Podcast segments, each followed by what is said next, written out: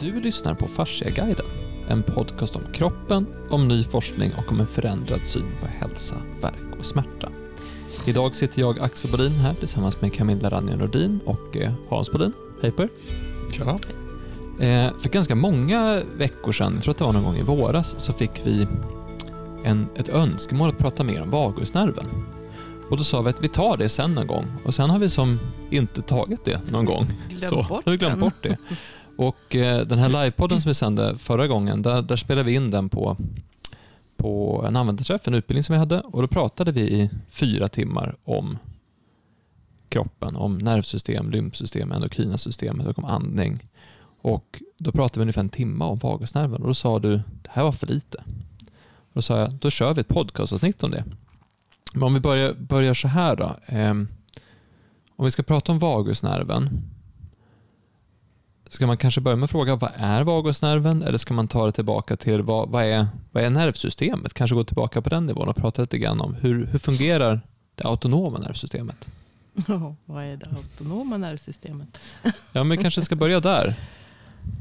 Ja, vi, vi kan ju säga då att vi har ett eh, nervsystemet är uppdelat i ett somatiskt system, alltså ett motoriskt, det som styr våra muskler och eh, eh, som är viljestyrt. Och sen har vi ett autonomt system som inte är viljestyrt, som styr sådana saker som hjärtfrekvens, eh, blodtryck, eh, eh ex, eh, ja, svettning, eh, spottkörtlar, svettkörtlar, eh, mag-tarmsystem, andning. Det, Alltså sånt som inte vi sånt- behöver sånt tänka som på. vi inte behöver tänka på. Vi andas utan att tänka på det. Vi, matsmältningen fungerar utan att vi tänker på det.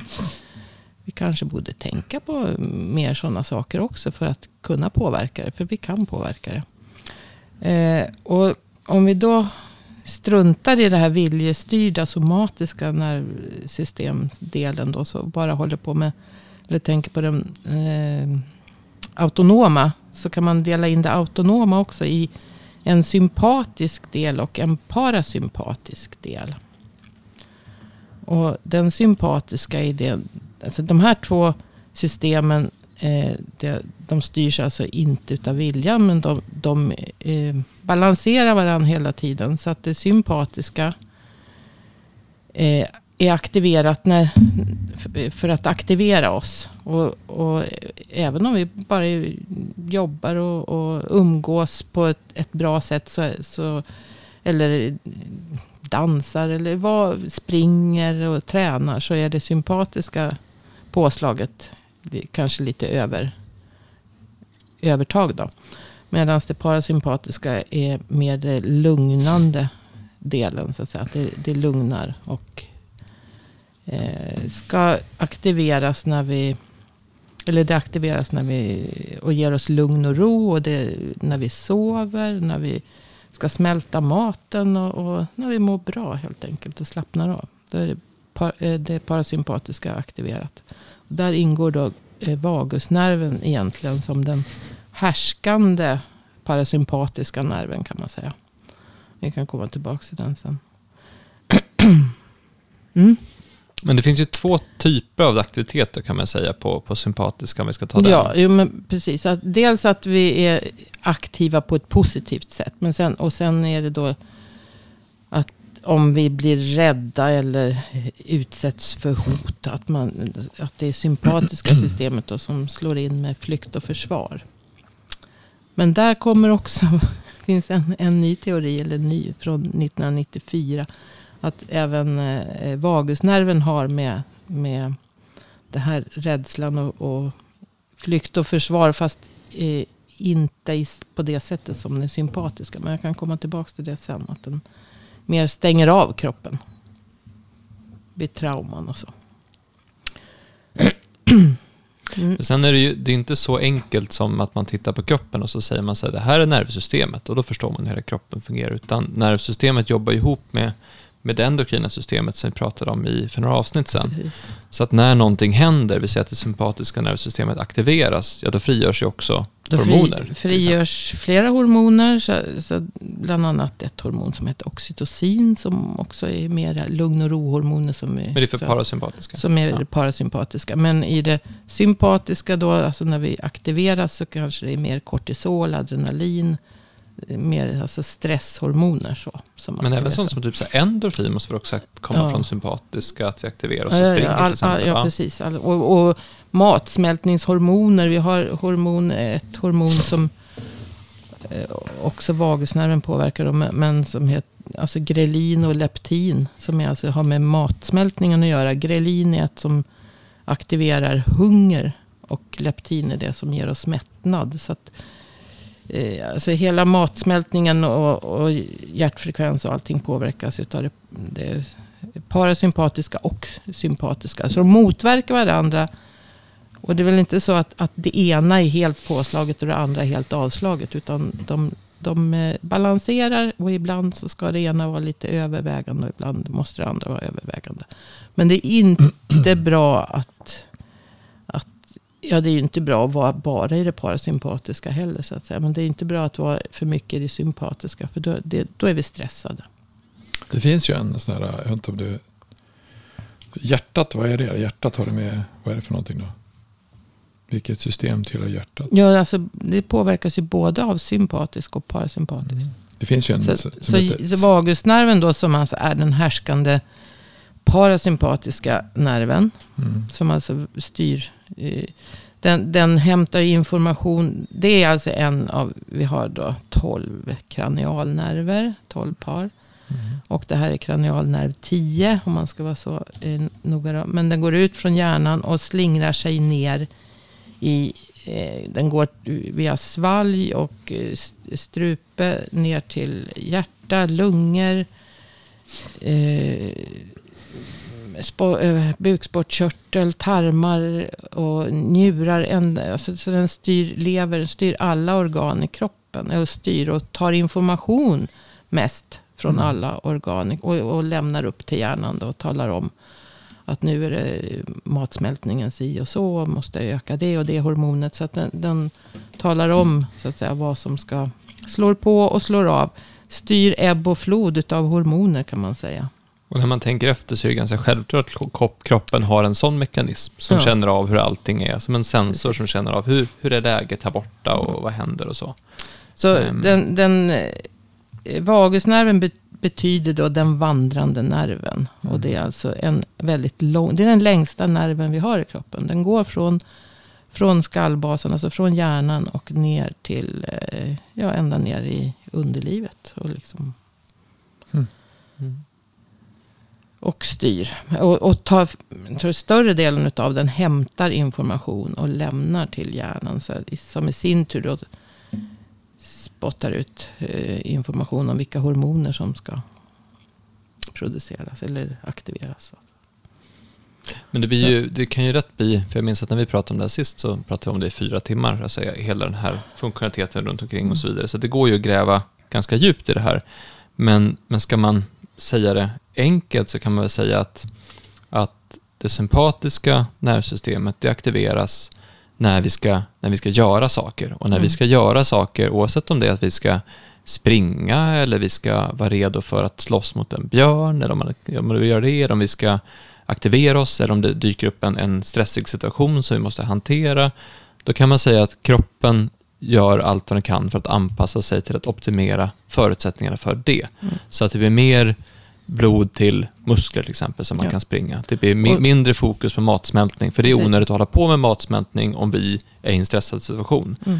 Det är dumt att hålla på och, reparera när det är, som vi tänker att du, att du håller på, du, när det är som mest trafik. Det är inte då man ska bygga om en väg till exempel. Och det är lite den, så jobbar kroppen i alla Det fall. där är lite tydligt för man kan ju se, jag vet inte om det är många som känner igen att i en stressad situation eller när man är stressad inför någonting så kan man lätt bli väldigt lös i magen. Mm. Eller? Ja, det, det känner jag. Ja. Så det är, eller det är eller lite kallsvettas. Ja, kallsvettas men, och, och bli torr i munnen och så. Men Eh, men just att man blir lös i magen, det är lite som, och hästar framförallt, blir, det är ju så tydligt att de blir det. Men, men, nej, men folk blir det också. Mm. Och det är liksom att man ska tömma tarmen för att du ska inte ha en massa onödig bulk och, och Bära på när du ska springa. Mm. Alltså om du, du blir rädd för någonting och måste fly.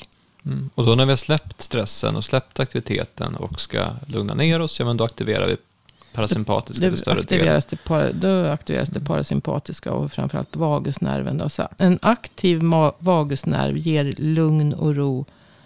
Bra matsmältning, bra sömn, reparation av kroppen, underhåll av kroppen. Mm.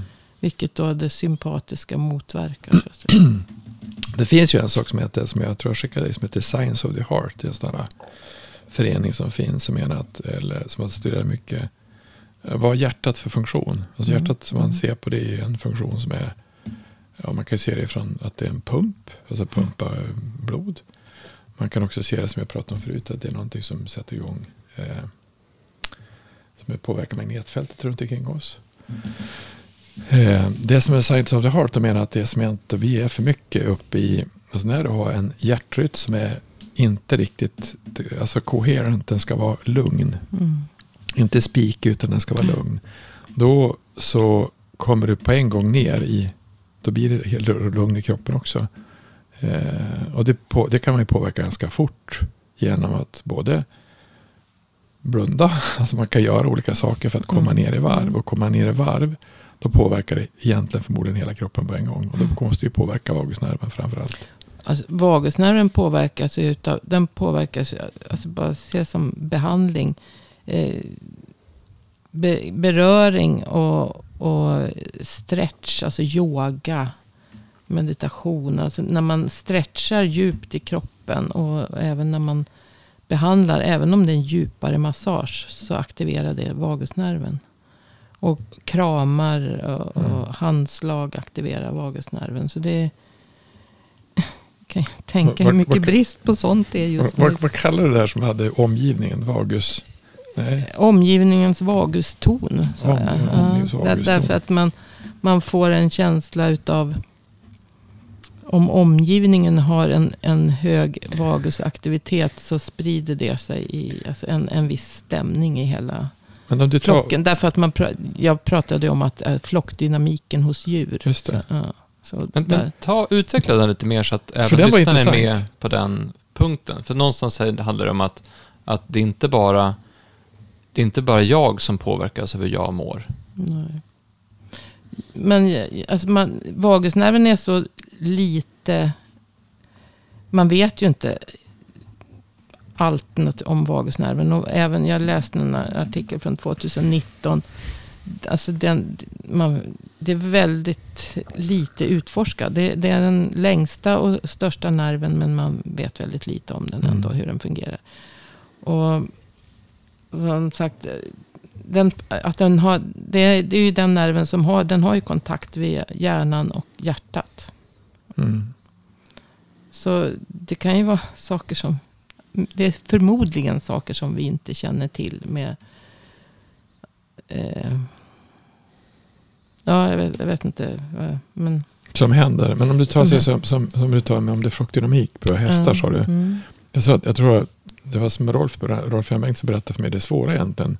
Det var en sak, men en sak som är svårt med att få, ehm, att få hästar att prestera. Det, det är inte att få hästar att prestera den miljön de är i, alltså på Mm. tävlingsmiljö. Ja, för de, Dels kan det vara väldigt mycket andra hästar som är där. Mm. Som, alltså då, det, blir det, det, det är inte bara en, ett sto eller en hingst, det är större hingstar och mer saker och ting. Så det kan vara det kan bli rörigt bara i, alltså jag tror att det var någon lokal, lokal var i, det var i Zürich, där var det så mycket benstamp i läktarna så att hästarna kunde bli som så här. Så det är många saker som påverkar men alltså flockdynamik eller om man nu tänker på folk så är det klart att, att man känner ju direkt om det är dålig stämning i ett rum Mm. när man kommer in. Det, alltså det, Ja, det smittar och hur det smittar. Men helt klart så påverkar det ju. eh, Vagusnerven blir påverkad utav, mm utav det. Och sen vad det är, det ena eller andra som, som vad som är hönan och ägget. Men, men Men poängen är att omgivningen spelar stor roll. Och det här är ju någonting som jag tror att alla människor, de flesta människor i alla fall, har någon form av erfarenhet av det här. För att jag, jag har ett exempel. Det, eh, jag bodde i Uppsala förut och eh, jag är ju från Stockholm, har varit mycket i Stockholm, varit mycket i centrala Stockholm, åkt mycket kollektivtrafik i mitt liv, mycket tunnelbana, mycket pendeltåg, mycket byten, den typen av miljö. Mm. Eh, det var någon som sa att i USA så har man rulltrappor som är enfiliga. Därför vem, varför ska man gå i rulltrappan? Det är därför det finns rulltrappor. Mm. Medan jag är en sån som går i rulltrappan. Precis, springer om all.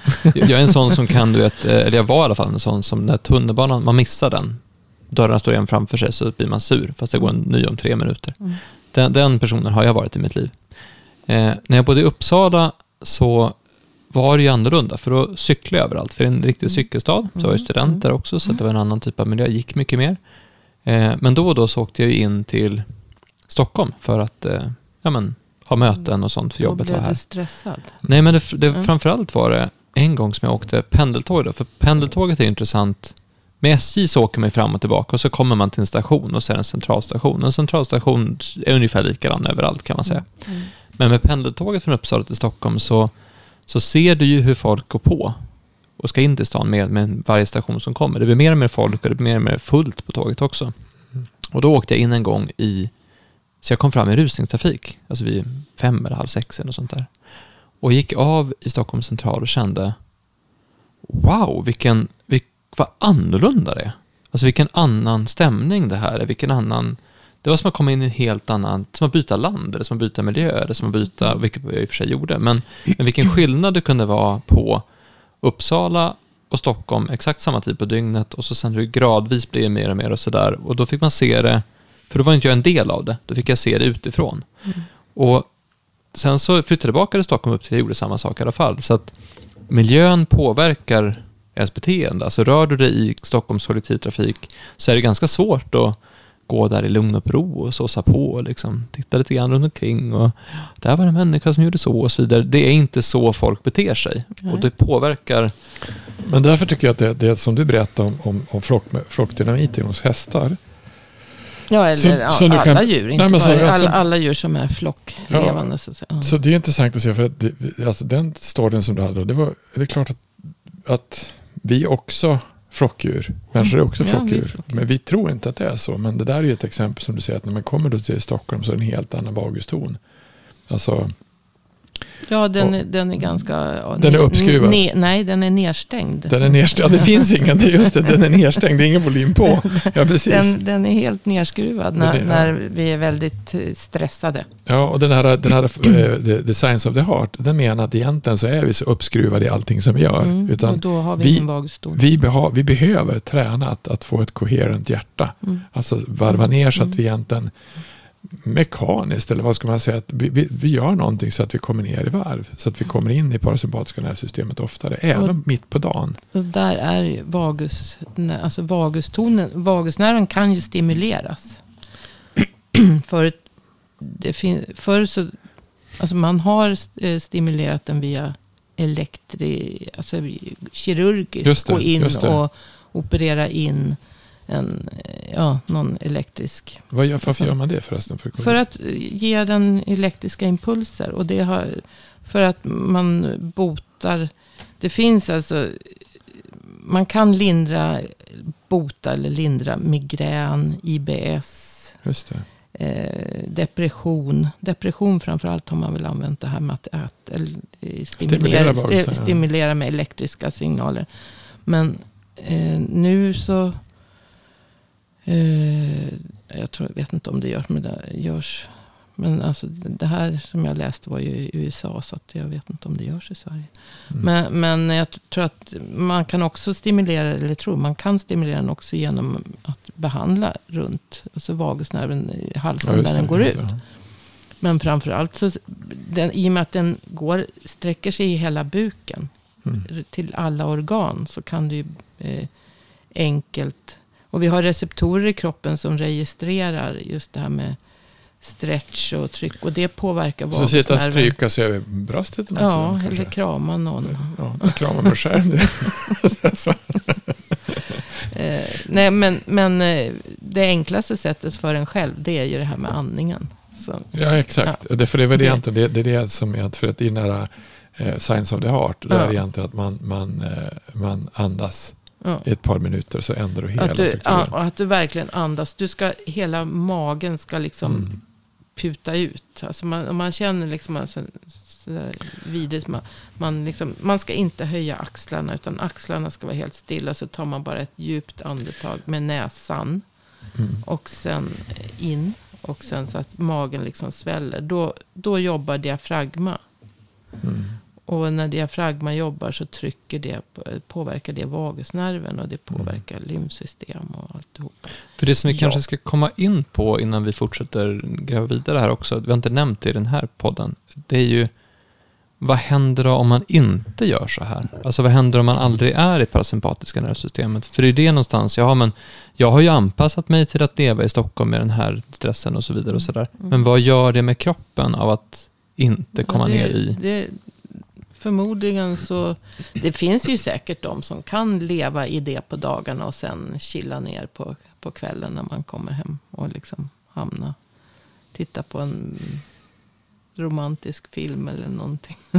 Fast jag tror ju att det som, jag tror, det, Men- det, alltså det som, jag tror att det som har hänt med många som vi har kvinnor, eller ut, alltså sådana som blir utmattade, utbrända, alltså, alltså sönderkörda. Och det, det är ju för högt, eh, för högt tempo hela tiden. För kroppen får ju aldrig återhämta sig. Om vi Nej. hela tiden är, är i det sympatiska så blir det ju ingen reparation och ingen återhämtning. Och ingen av kroppen. Och vi, förmodligen sover de dåligt.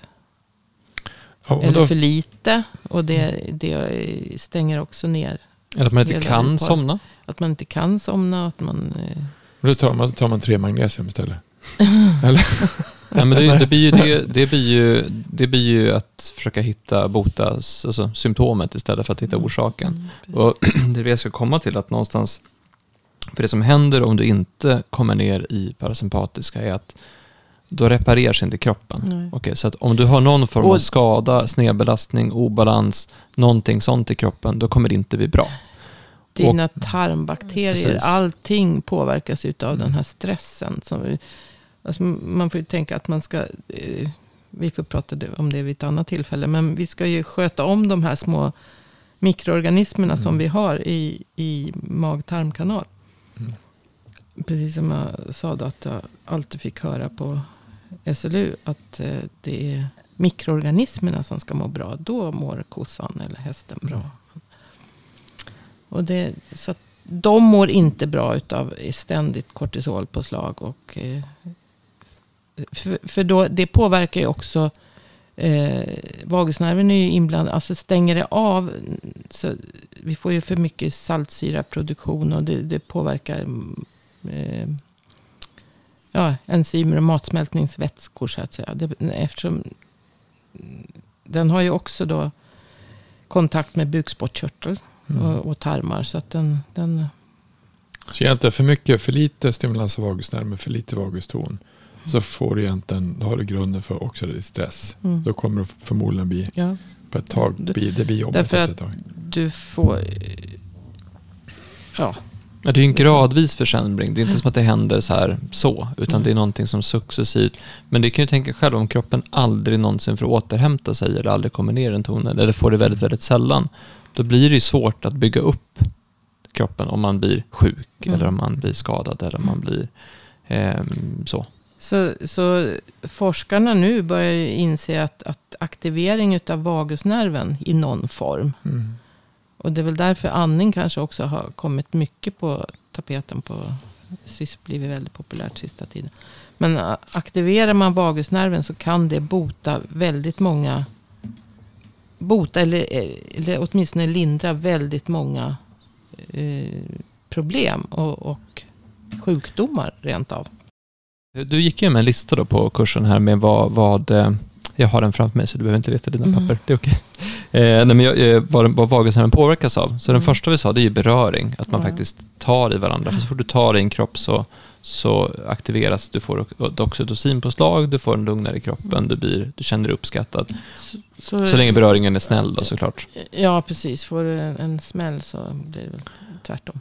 Eh, rörelse, lättare träning. Rörelse också, alltså yoga och stretch så påverkar. Promenader ja, kanske. Promenader. Och då har du ju även promenader, dels rörelse, men du har ju också, åtminstone om du går i en, en fin natur eller i en lugn miljö, så har du det lugnande utifrån mentalt också. Inte bara, inte bara själva rörelsen i kroppen, utan du har, du kan...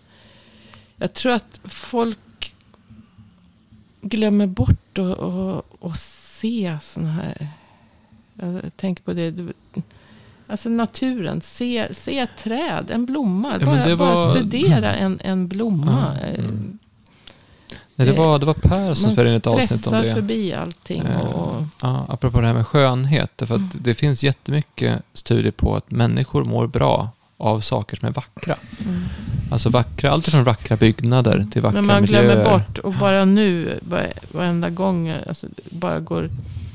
Det, det är så otroligt vackert ute. Man behöver inte se alla hus och stressade människor. Men titta på ett träd, titta på Mm. en buske. Mm. Med alla dessa fantastiska färger. Mm.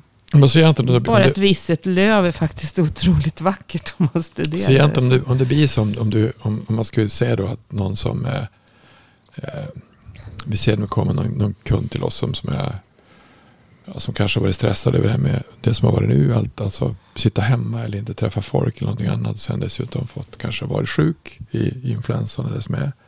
Och så fått något annat påslag.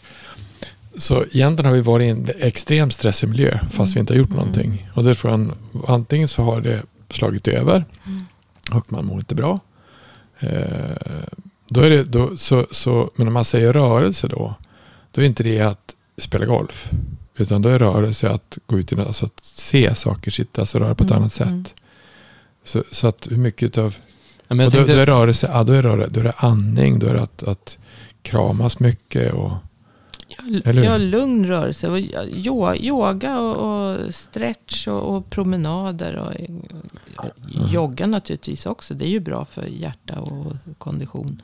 Så, men det, det kanske inte behövs de stora rörelserna. Om man nu har svårt för att röra Men man kan ju ha problem med att röra sig. ja. Av olika skäl. Och då, då kanske det räcker att, att krama någon. Och, och, men på den här listan så fanns det också en punkt som heter socialt umgänge. Ja, socialt precis. umgänge stimulerar vagusnerven. Precis, det, ja, ett, ett positivt med, med, med en bra vaguston. Nej, men då, tänkte jag direkt på någonting som har försvunnit ganska mycket de senaste åren. Det är ju, ehm, jag tror att folk går ut på AV mycket mindre. Alltså varför, varför har du en AV? Alltså tänk att du jobbar. Och så är du på jobbet. Och så tar du och går ut och tar ett glas med kollegorna eller vänner eller sådär. Då, då kommer du ner i en, i en lugnare, trevligare miljö. Du släpper kanske lite stress. Du kanske bara pratar om någonting kul. Om man nu har en sån AV. Man kan ju ha alla möjliga typer av AV såklart. Men, men den, det är ju en del i en ritual att Mm. varva ner och komma in i någonting annat och byta en miljö som många har haft. Mm. Men som nu har försvunnit för att folk inte jobbar på plats längre på samma sätt. Och då blir det en annan sak. Så jag tror att jag tror många, många saker vi har gjort utan att tänka på det i vår vardag har vi slutat med och inte insett konsekvenserna av det. Mm. Ehm, Så att socialt umgänge är en sån sak också. Och att just vara, alltså, vara i en sån miljö. Och sen så minskas det ju av stress. Mm. Så vi stressar Och fortfarande men har inte samma som är det. Det är hemskt nu, men för man, alltså, nu törs inte folk kramas. Och sen håller alla avstånd. Så att det, fort, det, det där har satt sig i hjärnan. Man märker det när man är Mm. ute och, och handlar och så också. Så att det, det, Och då blir det extra viktigt att stärka upp det är vagusnerven på andra extra sätt. viktigt att, att försöka ha, ha några som man kan. Mm. För sen hade du en lista också på, på negativa, eh, alltså vad, vad som skapar en låg vagusnervaktivitet. Och då var det bland annat eh, oro, otrygghet, när man isolerar sig och blir osocial.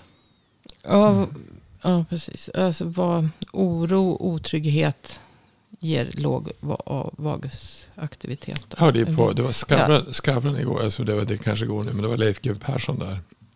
Och han sa att han har ju suttit i finkan, han har suttit i fängelse i ett år. Ja.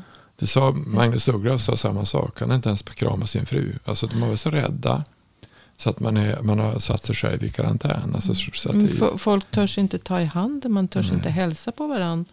Utan man säger bara hej på två, tre meters avstånd och sen Mm. Likadant i affären så stannar folk upp om man ska gå in och så står de och väntar tre meter ifrån tills det är deras tur. Alla har blivit så artiga. Mm. Eh, för man kan inte stå bredvid någon. Och det, poängen är ju att det här får konsekvenser. Och det får konsekvenser för vår hälsa. För att om vi, om vi inte... Alltså det, jag, jag sa det när vi, när vi höll den här föreläsningen också. Att det, visst är det...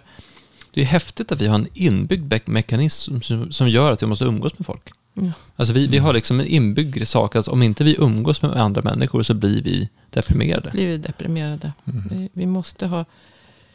Ja, ja, ja, men jag tror mycket på det här med omgivningens vaguston. Du måste, du måste hela tiden ha... Men om du inte har det då, som om tvärtom då, så... Säger om inte jag hälsar på folk och jag inte kramar folk, jag inte tar folk i handen, är det, då får jag ju få, dels så, så, så kommer min vaguston bli sämre, Mm. jag kommer bli mer stressad. Eh, Kommer det att göra mitt immunförsvar starkare eller sämre? Det sä- sänker ju immunförsvaret. Så att egentligen är det Därför att bättre, det är så att om jag skulle krama... Även om du inte har jättehög stressnivå. Men om du bara har en låg stressnivå eh, konstant. Sänker immunförsvaret. Så att en låg vaguston sänker immunförsvaret. Medan en hög vaguston Stärker immunförsvaret. stärker immunförsvaret. Och det, det här har ju bygger också med på- kortisolet att göra. Precis, och det bygger på principen att, att det är ju när vi, när vi ska aktivera oss och slåss mot en björn, då ska inte vi hålla på och bekämpa massa sjukdomar i kroppen. Då ska inte immunförsvaret vara igång, utan då ska vi hantera, alltså kroppen är så smart så att nu ska jag hantera det här nu, det är akut. Då går jag in i akutläge. Mm. Och i akutläge så är det bara en sak som är viktigt, det är fight eller flight. Det är Mm. överlevnad, det är stäng av allt som är onödigt, det här ska funka. Men så det är Martin Kullendorf, han är en sån som kör den här Great Barrington Declaration, sån där immunolog och som är jätteduktig på hur man ska behandla såna här, han är på Harvard, en svensk. Han menar, då stämmer det han egentligen säger då, det är att det stämmer egentligen med immunförsvar. För han menar att om det är de som är riskgrupp, de ska man försöka att vara rädda om. Men alla andra ska vi försöka De- göra precis som vanligt. De Vi har, måste, de måste träna sitt immunförsvar. vi, har, ju nästan gjort tvärtom. Vi har, alla ska vara rädda istället för att det bara några stycken som ska vara rädda. Är det så då? Alltså rent immunförsvarsmässigt. Att inte, att inte att social distansering, det är ju precis tvärtom. Mm. Eller? Jo, det... Alltså vi, vi... Det finns ju... Men det, det är ju då riskgrupperna. De, de som inte har ett, ett bra immunförsvar. Och självklart kan man påverka immunförsvaret själv. Om man inte har ett... Men därför Av blir det något extra Så då kan, då kan du påverka immunförsvaret med ett. Mm. Att du ser till att du har en, du ser till att du får lugn och ro i huvudet. Mm. Eller hur? Med, Du andas. ja. Och Även se till att, att du har näringsstatus som är ordentligt med. D-vitamin. Och D- ordentligt med C D-vitamin framförallt och C-vitamin. Zink, och magnesium. magnesium. Det finns många. Så att egentligen så, så, så, selen. mm, så då ska man äta alltså typ 10 gram C-vitamin om dagen då minst. Eller? Eller 13 eller vad säger du? Vad säger du Vi behöver inte prata om C-vitamin i alla avsnitt. Nej, det gör det. Ja, det är häftigt. Men, men det, som är, det som är viktigt, som Du vi, kan eh, promota boken. Ja, promotorboken kan vi göra. Den naturliga universalmet. Det gjorde vi förra gången också i och för sig. Men, men Mm. Den naturliga universalmet. Jag tycker att när jag läste den. Alltså, jag, jag var helt fascinerad över att. att Du blev ännu mer frälst. nej, det. alltså jag har varit så här. Jag, varit så- det hade helt, jag tycker det är helt makalöst. Ja, att, att, man, det- att det har funnits sedan 40-talet. Att man Ja, visste så det, mycket. det, det är det som är så skrämmande. Att det, ja. Och att det har så enorma effekter på. Alltså när jag hörde den han. Eh, vad heter han nu? Sture Blomberg. Mm. Eh, och när hans kontakt med C-vitamin var ju helt makalös. Alltså han sa att han hade ingen aning om det. Men att, att det hade sådana enorma effekter i akutvård. Mm. Framförallt på, på, på blodförgiftning som är ju tydligen inte alls lätt att bota överhuvudtaget. nej, det, det, det är ju i princip organkollaps, alltså sepsis. Då, Ja. då kollapsar ju organen. Men med inte, stora doser intravenös C-vitamin. Så, Så de friska på ett Ja. dygn. Det är helt ja, makalöst. kanske inte ett dygn. Ja. Men du får, du får en enorm förbättring på ett dygn. Och sen, Ja. Ja, från Nej, men vagusnerv till C-vitamin. precis. Men det är inte så långt. Nej, men det, men det viktiga, det viktiga eh, är ju, alltså stress finns ju runt omkring oss Mm. i det samhälle som vi har just nu på alla möjliga ställen. Och det, finns i, det kan dyka upp när man minst anar det. Alltså, alltså om man tänker tillbaks på vår begynnelse och apor och så. Då, då, vilda djur blir också stressade. Men de är inte stressade konstant på Nej. det sättet som vi är. Alltså stressmekanismen i kroppen är ju ett skydd. Det måste ju Mm. finnas. Och det som Men- vi kanske inte tänker på som, alltså, som de flesta kanske inte tänker på, det är att, att just att stress, alltså även mental stress, har enorm fysisk effekt på kroppen. Mm. Så hur vi mår uppe i huvudet, vad vi tänker på, det har en extremt stor effekt på kroppen. Mm. Och det berättade, eh, Ivar berättade om när han, han mår ju väldigt bra i kroppen, min bror Ivar. Eh, och han, var han eller är han? nej, Han mår, han Ivar, mår. han mår väldigt bra i kroppen. Ja. Mm. Alltså han, han tar väldigt bra hand om sig själv, både i form av träning och kost och Han har mat och börjat med behandling. partiell fasta. Det också. Har han gjort det? Ja. Jajamän.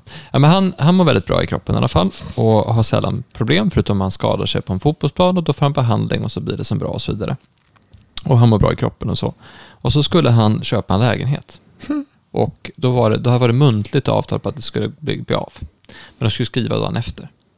Och då vart han jätteorolig. Tänk om det skulle, tänk om det inte skulle gå, tänk, tänk om någonting händer. Tänk om det här inte, vi har ju väntat, det här är ju så bra, vi har väntat på det så länge. Så han i 24 timmar var han jättestressad över det här. Och fick ett sånt bakslag i kroppen så hela kroppen höll på att lägga av. Och han mådde bra hit och dit och sådär, men bara den här stressen över det här, det här avtalet som skulle signeras gjorde att han var dålig i en vecka. Och då kan man ju se vilken effekt en, en stress eller oro kan ha på kroppen. Mm. Och det kan vara, det behöver inte ens vara min stress eller oro. Jag hade en, en person som, som jag behandlade som hade, hon var inte så stressad, men hennes kollegor var jättestressade. Då tog ju hon på sig deras stress och så sen så fastnade den i hennes kropp också. Så det är inte alltid lätt. Stressen finns runt omkring oss precis hela tiden. Och då är det viktigt att jag hittar ett sätt att, att jag hittar ett sätt att hantera stressen när den kommer. Mm. Antingen säger jag så här, hej, jag ser din stress.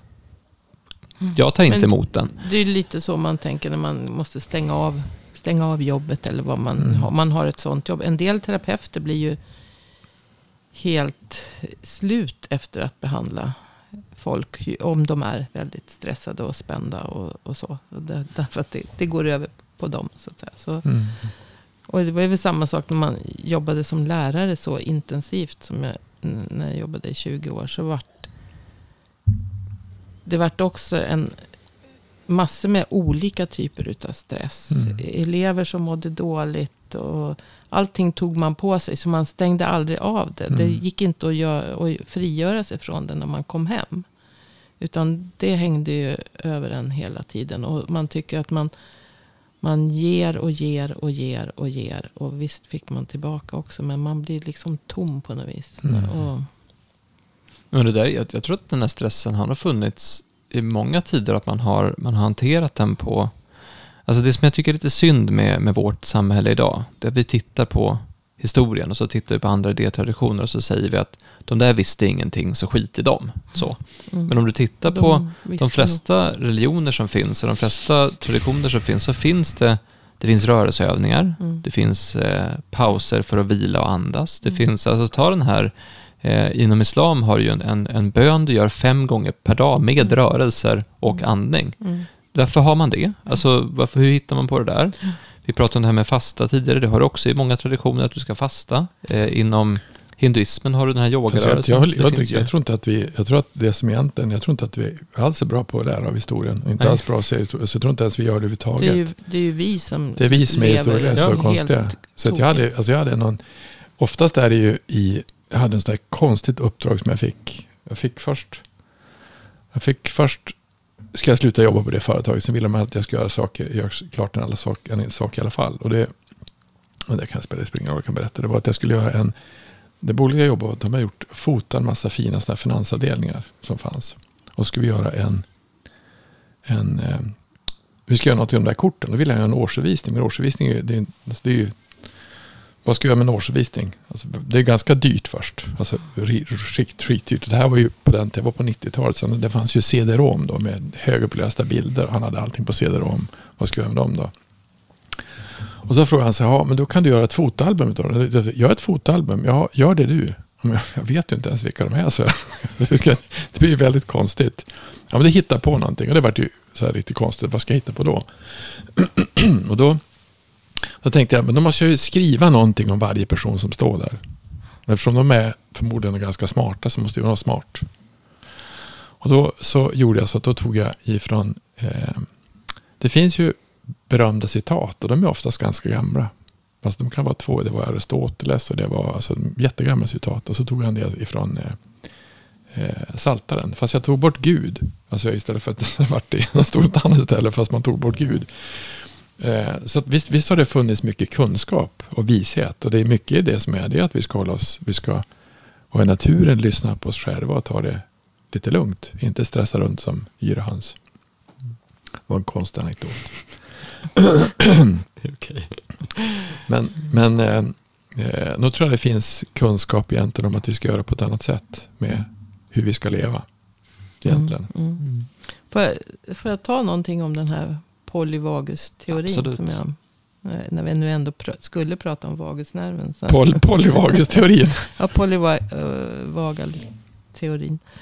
Eh, så eh, är det ju då en eh, forskare, Stephen Porges, som 1994 framförde en teori om eh, att eh, den vagusnerven som vi pratar om normalt är den jag har pratat om, som går i buken till alla Mm. organ. Men han menar på att det är hos däggdjuren. Mm. Och vi är ju däggdjur. Eh, men han menar på att det finns en primitiv gren utav den som går mer längs ryggraden. Och som alltså finns hos primitiva djur som, eh, också. Men även hos oss. Det, det är den som fanns först så att säga. Hos eh, ormar, groddjur, fåglar. Mm. Innan det, det blev däggdjur. Och sen hos däggdjuren då så har den här eh, ventrala delen. Eller bukdelen så att säga. Också har eh, utvecklats då. Så att det är en nyare gren, den här ventrala. Som, ventral betyder alltså buksidan då. Och eh, så att vi har blivit mer avancerade. Men den gamla delen, ryggdorsala grenen utav eh, vagusnerven. Den är en, eh, lite som det sympatiska. Att om, om man blir rädd eller skrämd eller så. Och det sympatiska så att säga inte klarar av. Vi klarar inte av att fly. Mm. Eller utsätts för ett kraftigt trauma. Då blir hela kroppen i chock. Och alltså i, i, stänger av. Och då är det va- den dorsala grenen av vagusnerven som stänger av kroppen. Så att folk kan svimma eller bli paralyserade. Eh, djur lägger sig ner och, och spelar döda. Alltså, det är ju vanligt på ormar och, och grodor och fåglar så framförallt. Det här har man ju hört folk beskriva. Ja, ja. Att jag frös till. Ja, precis. Och man fryser till is. Men det är inte det sympatiska nervsystemet då som slår till. Utan det är vagusnervens dorsala del så att säga. Som Mhm. stänger av kroppen. Och då hamnar man i paralys. Eller i värsta fall svimmar och bara tuppar av. Kroppen liksom stänger av. För att jag klarar inte av, jag vet, klarar inte av att fly. Klarar inte av att slåss. Och det, det är liksom bara, allting svartnar. Hmm. Det kanske inte är så praktiskt. Nej. Att Har du stäng- råkat ut för något sånt? Har du sett någon sådana som gjort det som vi har gjort? Som vi känner till? Jag, jag, eh, nej, men jag har ju pratat med folk som, som kan svimma utav att de blir så Stressade? Stressade. Om de till exempel eh, de ska upp och hålla något föredrag eller så. Sen så bara svartnar allting för ögonen. Och så. Men sen Eh. finns det ju de som har råkat ut för olika typer av, av övergrepp som har berättat om att de alltså bara Ja, men försvinner. precis. För det, det är trauma. trauma Ja, och, och vi, trauma. så stänger... Alltså, så att det här är en ny teori som alltså, säkert kan då... Men frågan är vad det får för kon- konsekvens på kroppen och på organen och på Men- alltihopa. Om det, om, det, om, det, om det sätter spår. Ja, man kan ju säkert... Alltså, man kanske stänger av. Och, och, Fast de menar att det, som han sa, det han sa egentligen, som jag, då, då kanske det är som, vad, vad hette det här sa du? Polyvagus-teori. Polyvagus-teori. För att Mm. jag, han som jag träffade som var... Alltså att, att poly betyder ju fler. Alltså att vagus, vagus har två grenar. Okej, men Ja. den, den, alltså den, för han menar egentligen, osteopaten som jag träffade i, en av de, eller tror jag, det var, jag tror det var osteopat, en forskare som jag träffade i Berlin. Han menar att det som kan hända i trauman vid, alltså om du, alltså han menar att, att när, när man är för i, så typ grova trauman, alltså övergrepp, whiplash, något som händer som man är i, nästan nära att dö. Mm. Då stänger kroppen av. Doff. Mm. Och när du sen ska gå tillbaka då, alltså gå tillbaka och göra saker och ting, då, är, då kommer inte kroppen ihåg var den är någonstans, för då har det hänt en massa saker Nej, det... Och så hittar inte nervsystemet tillbaka. Och därför tror jag, det som jag säger att vissa saker som de som råkar ut, det kanske förklarar vad som händer vid hjärnblödning. Att då kanske det är så kraftigt. Så att då, då fa- fastnar man i den ställning man var i när det hände. Det är som en systemåterställning och när man startar upp systemet igen så är den, är den på någon annanstans än där den var. Ja, och då, för det, om, det, om den skulle vara, om det, om det är ett kraftigt trauma då som finns. Då menar ju, då, då, då en sak var, varför kan inte kroppen självläka om det hänt någonting som är våldsamt? Därför att den har inte möjlighet att komma tillbaka därför den har, så, den har stängt av. Mm, det har stängt av sig. Den har ja. stängt av sig Och själv. det stänger ju kanske av minnen och, och ja, alla funktioner Ja, men alltså det- för det- en kort stund. Ja, och, ba, och bara har basala funktioner, alltså andning och, och hjärtat kanske. Ja. Det, så, så att det liksom, du, du överlever men, men du har liksom Och då, då blir, då, ingen då, muskelfunktion. men då, kan det, då, blir det, då blir det enklare att förklara varför i vissa stora, vars i vissa trauman som finns, att du måste gå in i traumat och lösgöra det. Mm. För att få kroppen att komma tillbaka. Mm. Mm. Eller hur? Och det kan inte, det kan inte du, det kan inte jag göra själv. Det måste eftersom jag är själv, det måste ju någon annan hjälpa mig att göra. Eller hur? För du kommer inte åt dig själv för att Det låsa. går ju inte. Det, var ju, det, är ju, det är ju till och med annat, det är låst till och med i, i, i, i annat, det är så sympatiska nervsystemet. Mm. Jaha.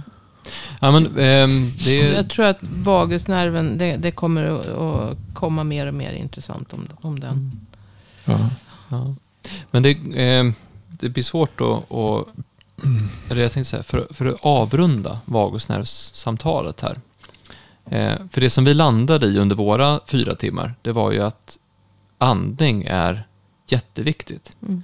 Och vi spelade in ett helt avsnitt om andning i eh, avsnitt 29. Har du tänkt på hur det andas? Mm. Men vi har ju lite uppdateringar där som vi inte tog upp då. Det var ju den här, eh, det här som du hittade med att, att de tre, senaste 300-400 åren så har vi förlorat konsten att andas. Ja, jo. ja just att, att eh, skallens skelett, jag nämnde det kanske då också men inte så noga. Att skallens skelett har utvecklats eller blivit försämrad i, i konstruktion egentligen i, i de senaste. Och, och att vi har, vi har fått smalare och smalare skallar och mindre och mindre käkar. Mhm. Och, och eh, Varför då? Vi har inte Ja, använt det. vi alltså, har vi tänkte vi har inte Ja, alltså, använt- ja, vi använder, ja, Nej, och vi, vi tuggar inte och det är tuggningen som... Så det, det menar han ju att det har bara hänt på s- på en generation. Så har vi, vi äter sån dålig mat eller sån eh, tuggovänlig eller vad man ska säga. Alltså vi, maten är för mjuk. Allting vi äter är flytande eller Mm. mosat eh, väldigt mjukt. Så man kan i princip pressa det mot gommen och bara svälja. Mm. Och sen är folk stressade. Så att oavsett om det behöver tuggas så, så tuggar inte folk. Mm. Därför får man också dålig matsmältning. Mm. Man får problem med magen och mikroorganismerna mår inte alls bra. Eh, så att när man tuggar så, så stärker man käkarna. Mm. Och underkäken kommer fram. Mm. Men vi, för vi, men vi har alltså utvecklat käkarna de senaste tusen åren. Som att huvudet har blivit mer långsmalt och käkarna har blivit mindre. Tänd, vi får problem med, med tänderna. Många barn får tandställning. Nej, de får inte plats. Eh, och sen har, i och med att käken inte åker fram så åker den bakåt. Och då får vi trängre och trängre andningsvägar. Så att folk har problem att andas. Vi kan inte, men därför så måste vi. vi har, därför så andas vi sämre genom näsan. Fler och fler snarkar. Eh, fler och fler, för, eh, han pratar ju om, om lungproblem och sömnapné. Och, Men alltså en sak som slog mig nu, det här är lite, det här är lite lurigt. Nu blir det lite mer tillbaka till eh, de här andra typerna av program som jag gjort tillsammans med Per. Alltså, för 300-400 år sedan så hände det någonting väldigt speciellt i mänsklighetens historia. Det, när jag läste ekonomisk historia så var det något som hette, jag tror det hette Ma- Mal, Maltusiska trappan, hette det. Den Maltusiska kurvan. Och då var det någon som hette, eller Malthus tror jag hette. Och han studerade befolkningstillväxt. Så befolkningstillväxten, den gick upp till en viss nivå. Och så sen så, när man kom upp på den nivån, då fanns det inte tillräckligt mycket mat. Så då var det svält och då dog folk. Och så minskade befolkningen drastiskt.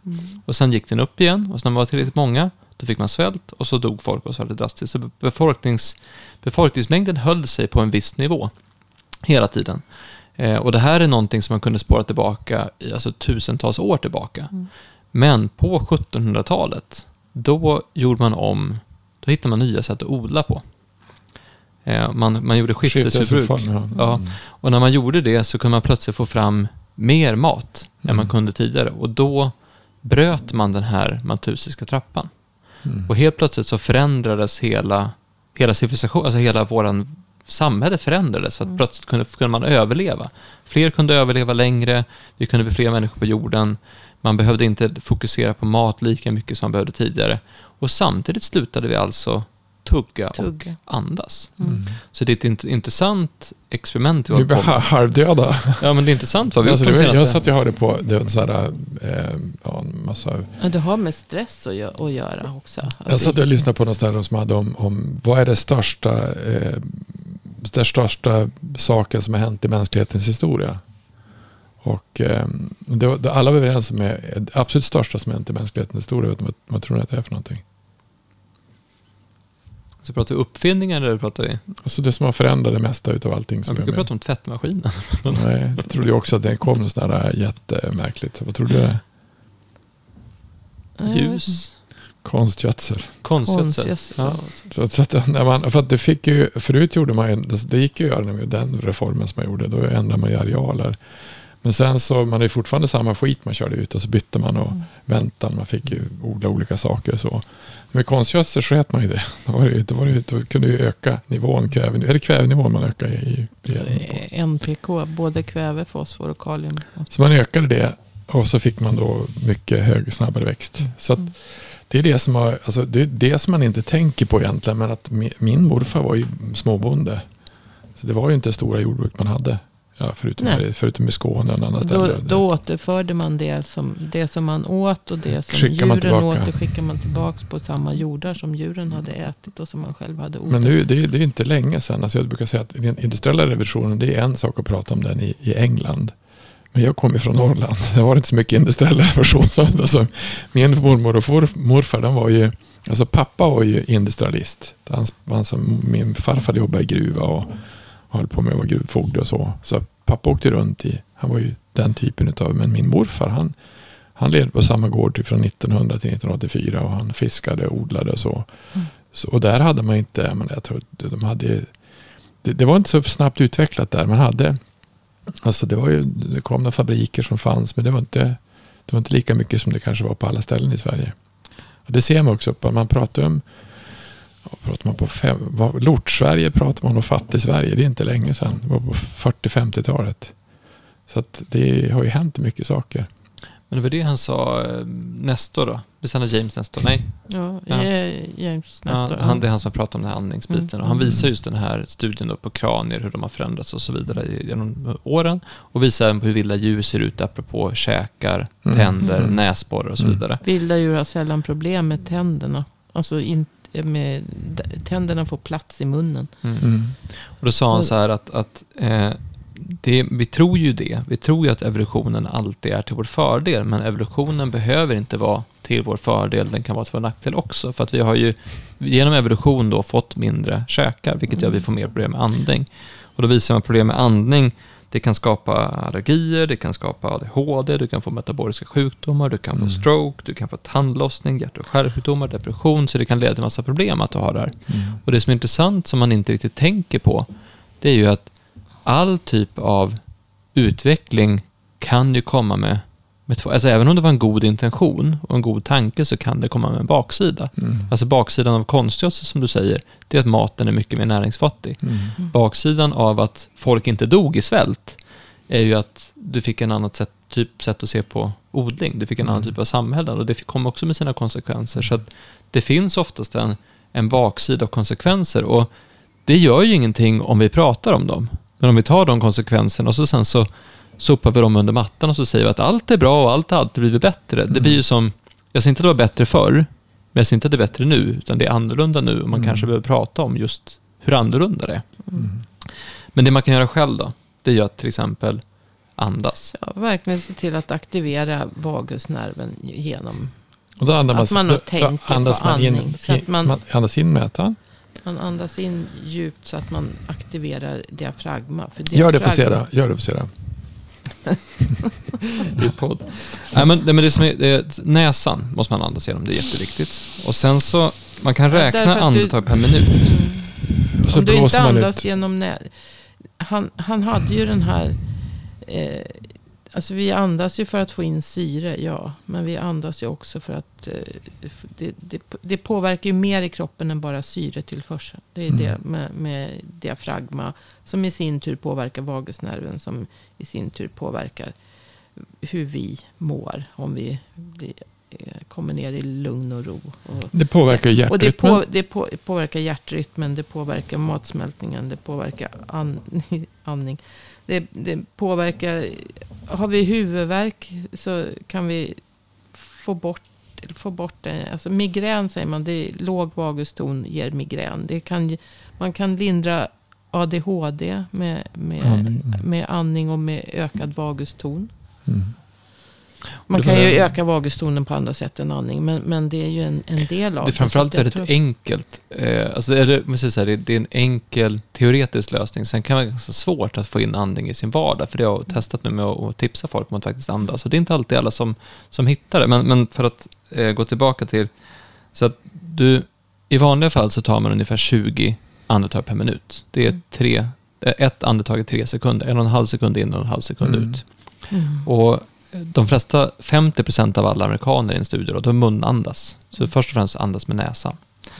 Eh, om du tar 20 andetag per minut, då av de 6 liter luft du får in i lungorna, så är det 50% som du faktiskt utnyttjar. Resten går bara in och ut. Det, det kommer inte upp, det tas inte upp. Och vagusnerven rör sig ungefär 10 procent. Den, den guppar på ytan om man Mm. säger så. Men om du Eller vad istället säger jag inte använder... vagusnerv, diafragma. diafragman. Men, ja. Men om du istället andas 6 andetag per minut, det är ungefär alltså 5-6 sekunder in, 5-6 sekunder ut. Det är inte så mycket, det, inte, det finns ju, man kan andas man kan andas med många andra långsammare. tekniker. Och man kan an- framförallt andas mycket långsammare ut och få ännu färre eh, andetag. Och där, det är alltså Men en sån enkel grej. Om man blåser ut med munnen som jag gjorde nu. Då Ja. kan, du, då kan Mm. du utandningen ta 10 sekunder. Ja. Mm, mm. Lätt. Men, Mm. men den enkla varianten, 5-6 sekunder in, 5-6 sekunder ut. Gör du det tar du tillvara på 84% av luften du andas in. Mm. Det är mycket mer än Om 50. du andas in 6 liter så tar du tillvara 5,1 Mm. Mm. liter. Som, när jag säger ta tillvara så menade han alltså att, att det är eh, 5,1 liter då som kommer ner i lungalveolerna. Som alltså, där syre går ut i blodet. Mm. Mm. Men annars så kommer du inte få ner luften så djupt i lungorna. Så det kommer inte tas upp den mängden syre. Så du ökar syreupptaget enormt mycket genom Mm. att vara lugn och aktivera vagusnerven och andas djupt. Så det vi börjar ordinera nu det är 5-10 minuter djupandning per dag. Och det, det låter ju inte så mycket, men alltså, det är inte så många som gör det.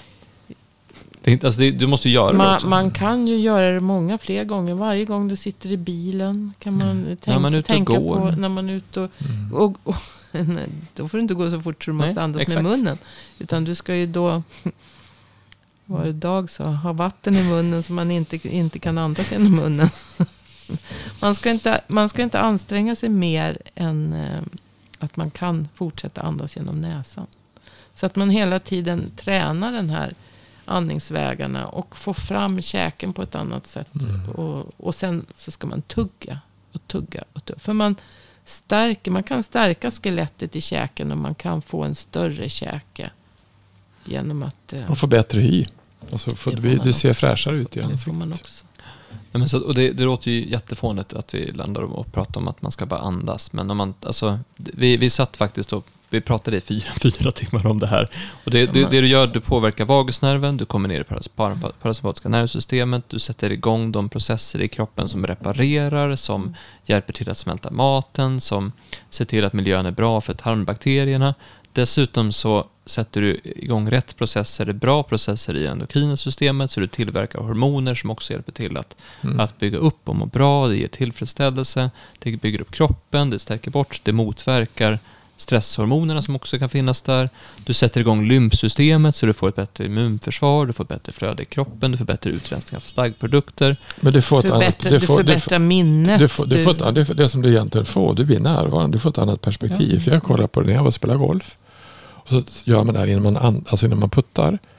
Det blir precis som att då är man, man är på ett annat ställe. Det blir inte lika stressad, det blir inte lika på. Det, det är på ett helt annat sätt. Mm. Så att det, det, det är ett sätt att vara mer närvarande, mer här och nu, mindre stressad. Alltså det har väl eh, kanske elitidrottare alltid tänkt på så också. Och många, jag, jag vet när man red och så, ridläraren sa alltid andas, andas. Och fast inte hur. Ja, men nej, och de visste ju inte varför heller. Mer än att Nej. någon har sagt att eh, det ger lugn. Hästen måste ju tycka att det är mycket roligare. Ja, Eller? ja säkert därför att du får... eh, ja, Du, ja, du smittar ju av det på hästen. Det är samma sak. Alltså, du smittar av det på... eh, En, en hund märker direkt om du mår dåligt. Jo. Det, det, de är direkt på en och, och undrar vad är det matte, vad är det matte? Skaffa en bra vaguston. Mm.